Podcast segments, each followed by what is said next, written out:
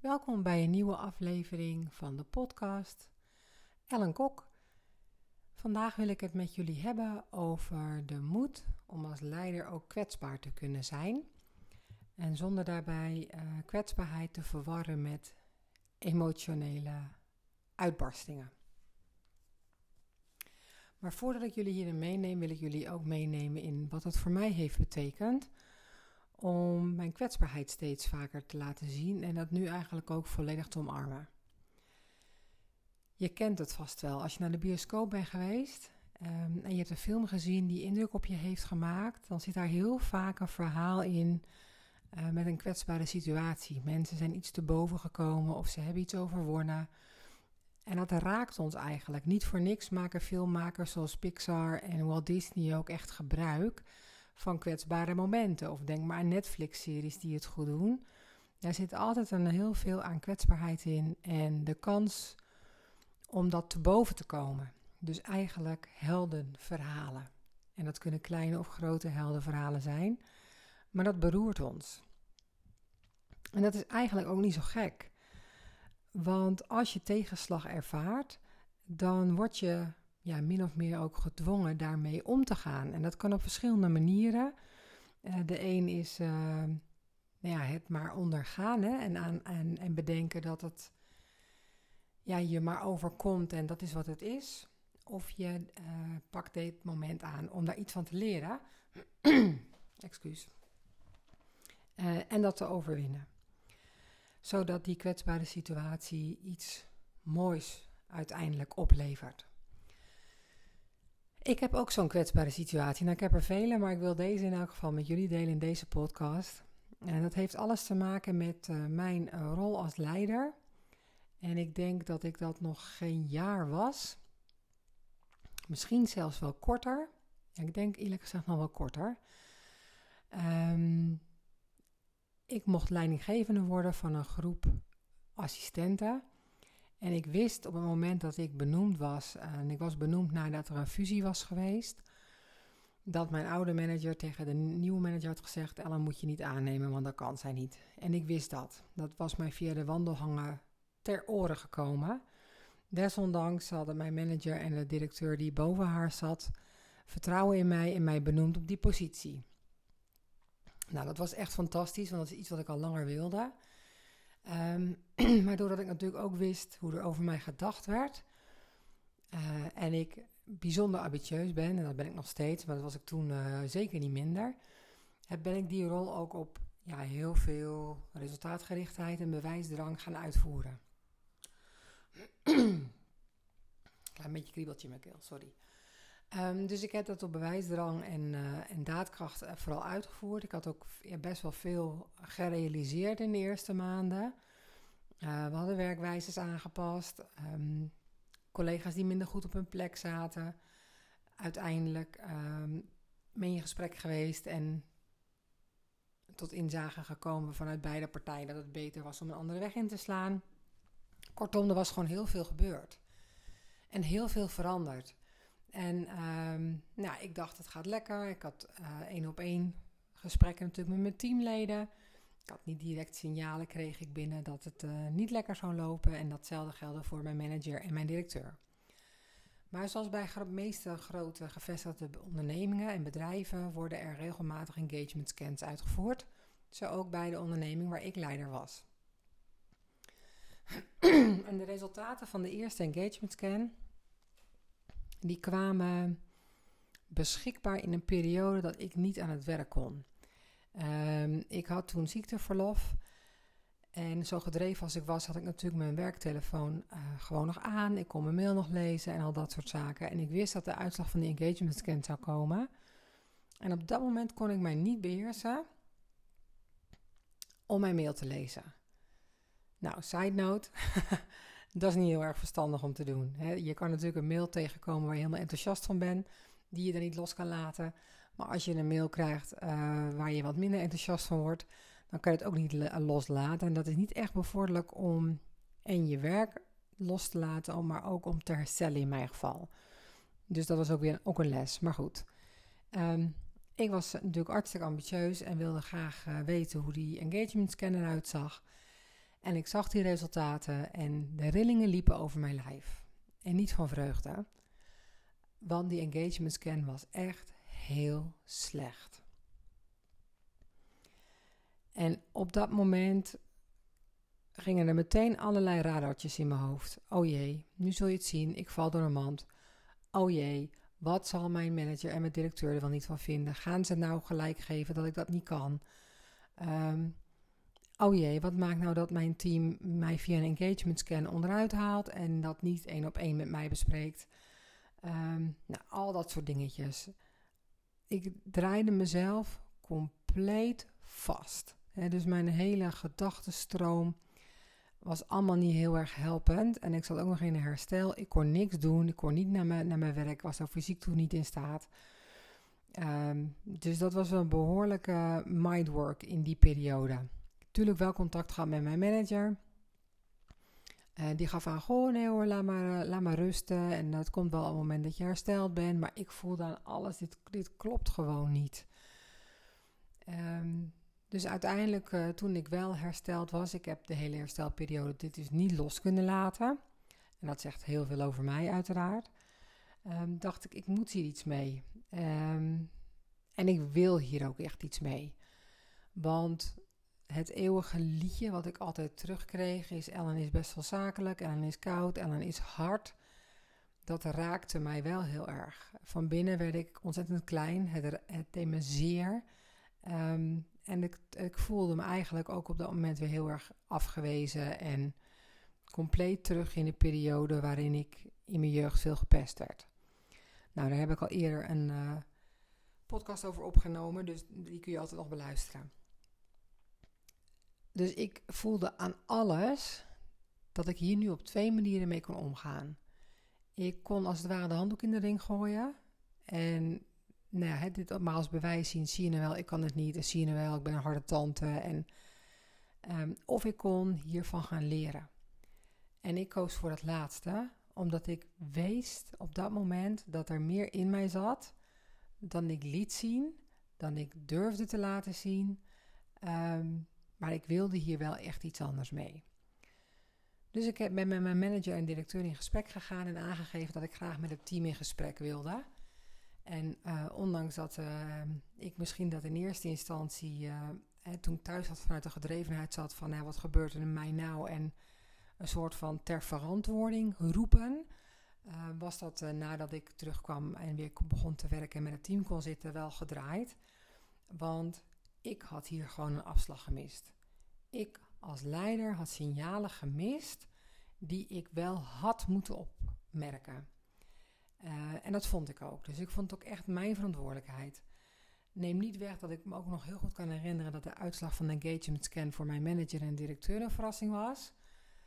Neem niet weg, het was mijn verantwoordelijkheid. Ik had de afslag gemist. Ik had iets valikant verkeerd gedaan. En het is aan mij om dat tijd te keren.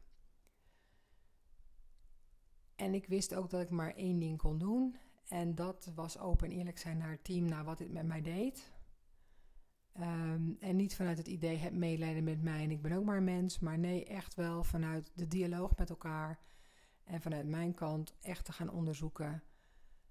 Wat gebeurt hier nou? Wat heb ik hier aan te doen als leider? En hoe kunnen we met elkaar als team ook een omgeving hebben met elkaar dat het veilig is om altijd feedback te delen?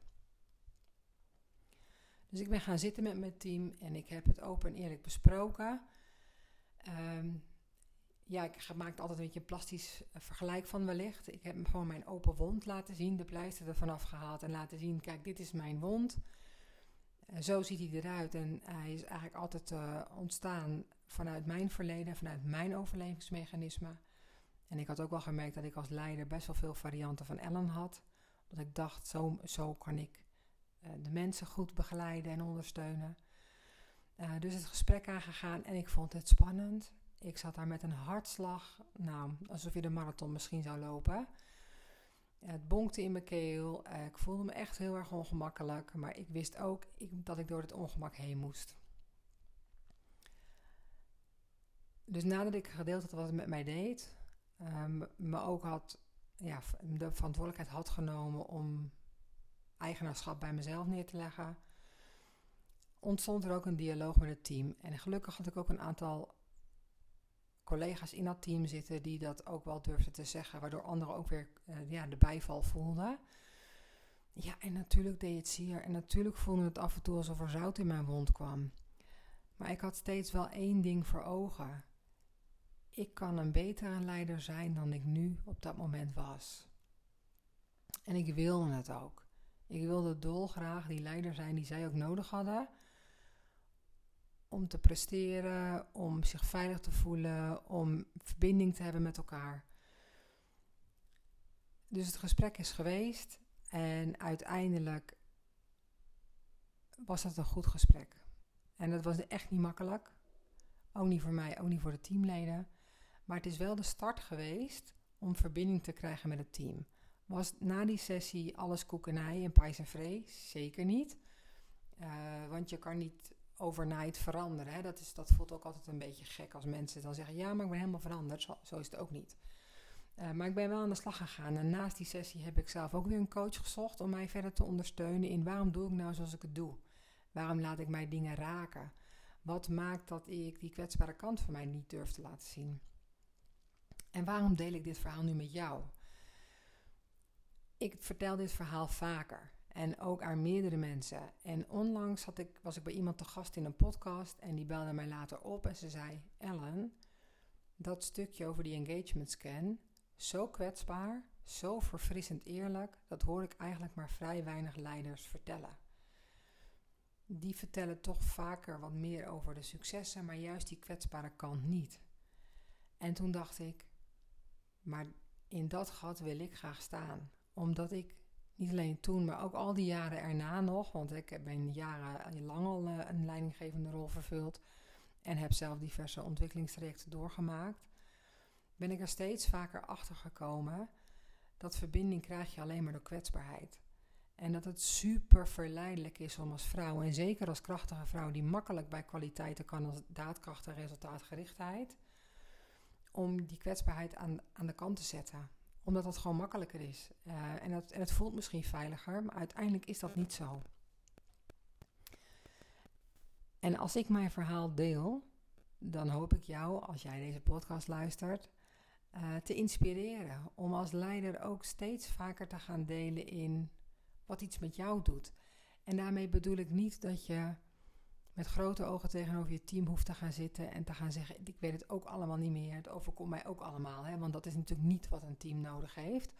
Uh, dat, is een, dat is een emotionele leider en dat is niet wat ik bedoel met kwetsbaarheid. Maar het besef dat het moedig is en durf vraagt om je kwetsbaar op te stellen, die is bij mij nu wel echt heel erg stevig aanwezig. En ik kan uit mijn eigen ervaringen lering trekken. En vanuit mijn ervaring weet ik dat hoe spannend het ook is, als je de moed en de durf vindt om die kwetsbaarheid in te zetten, aan te gaan, aan te kijken en daarmee je als leider ook comfortabel te gaan voelen, dat maakt jou een goede leider. Op het moment dat we naar een nieuwe uh, job gaan als leider, leidinggevende, dan zijn er altijd fantastische opleidingsprogramma's. En daarin wordt altijd verteld, je moet een visie hebben en een missie. En dan moet je dat opknippen in doelen. En dat is allemaal hartstikke fantastisch. Maar dat zegt eigenlijk nog helemaal niets over jou als leider. Want jij bent de persoon. Jij bent de leider. En als jij maar één kant van jezelf laat zien, en dat is dan bijvoorbeeld de krachtige kant, dan ben je eigenlijk ook maar een halve leider.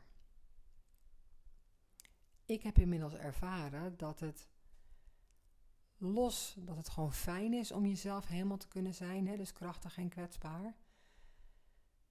Het helpt ook echt om te werken aan je team en aan de veiligheid die jij hebt met je team en de verbinding waarmee je de eerlijke gesprekken krijgt.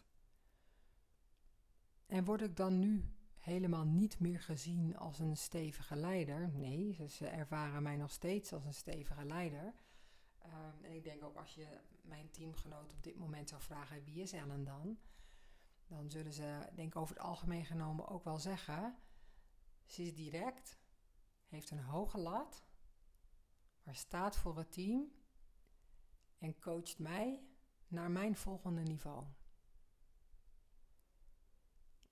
En dat doe ik door en krachtig te zijn en kwetsbaar. En voor mijzelf is het een verademing om beide kanten te mogen laten zien, ook als leider en ook in mijn team. Want alleen maar die krachtige kant is ontzettend vermoeiend. Ik merkte dat ik steeds vaker aan het einde van de dag vermoeid was, mijn lontje was korter, ik had al mijn energie gewoon opverbruikt. En dan twijfelde ik ook wel eens van ja, maar dit wilde ik toch altijd? En nou heb ik die toffe baan en dan ben ik niet blij. Of dan vind ik het niet leuk. En juist door echt naar mezelf te gaan, en dat doe je wel echt alleen door innerlijk werk. Hè? Dus je kan allerlei soorten coaching uh, zoeken en dat gaat je zeker helpen. Maar wil je langer termijn geholpen worden, dan is er maar één weg en dat is de weg naar binnen. Dus vanuit innerlijk werk dat proces aangaan, waardoor ik nu echt die muren om me heen weg heb gehaald en kunnen halen. Niet alleen privé, maar ook gewoon zakelijk.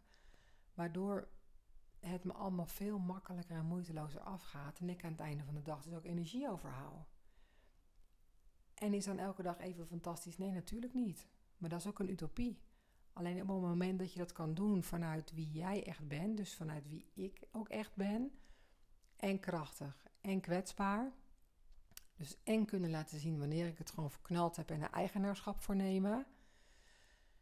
En dan ook het gedrag tonen om het anders te gaan willen, anders te gaan doen. En de feedback die je krijgt van het team ook serieus te nemen. Dat maakt wel dat je gewoon echt kan zijn wie je bent. En ik heb inmiddels zit ik bij een grote gevestigde onderneming. En daarvan kan je zeker ook zeggen dat de mannelijke zakenwereld daar nog qua cultuur hoog gedreven is. Maar ik merk wel dat het gewaardeerd wordt. Dus er is echt plek, ook in die mannelijke zakenwereld, voor jou als vrouwelijk leider, waarin je en krachtig kan zijn en kwetsbaar. Sterker nog, ik kom ook steeds vaker mannen nu tegen die zeggen: Ik vind het juist wel fijn als ik die kwetsbare kant die ik in me heb ook kan laten zien. Ik vind het ook fijn als ik wat meer voor mijn kind kan zorgen. Ik vind het ook fijn als ik aan kan geven dat iets me niet lekker zit. En ik ben er heilig van overtuigd dat als we allemaal vanuit het innerlijk werk de plek innemen die we van in onze kern zijn, man als vrouw, dat we straks die hele zakelijke mannelijke bedrijfscultuur niet meer hebben. Dan zijn die polariteiten niet meer zo uitvergroot. Dat is, dat is echt waar ik in geloof. Ik ervaar nu elke dag aan de lijve dat het echt kan. Is daar moed voor nodig? Ja. Is daar durf voor nodig? Ja. En daar, is daar kwetsbaarheid voor nodig? Ja. Terwijl je niet weet of de uitkomst altijd even succesvol is. Dat is gewoon echt onzeker. Maar één ding wat ik wel zeker weet, is dat ik aan het einde van de dag mezelf altijd in de spiegel kan aankijken. En met een dankbaar gevoel naar de dag kan kijken. Hoe die ook verlopen is. En dat is uiteindelijk allemaal nu wel zich ontwikkeld vanaf die engagement scan in 2015. Waarin ik toen compleet onderuit ging. En vanuit die leerling, die leerling die ik daar getrokken heb. En alle managementprogramma's die ik daarna gevolgd heb, coachingservaringen die ik gehad heb, extra allerlei andere ondersteuningen met persoonlijke ontwikkeling, familieopstellingen, alles bij elkaar, heeft er nu wel toe geleid dat ik kan zeggen dat ik vanuit mijn eigen essentie, wie ik nu ben op dit moment, want ook ik blijf in ontwikkeling. Ik blijf coaches zoeken die mij helpen, die mij verder helpen.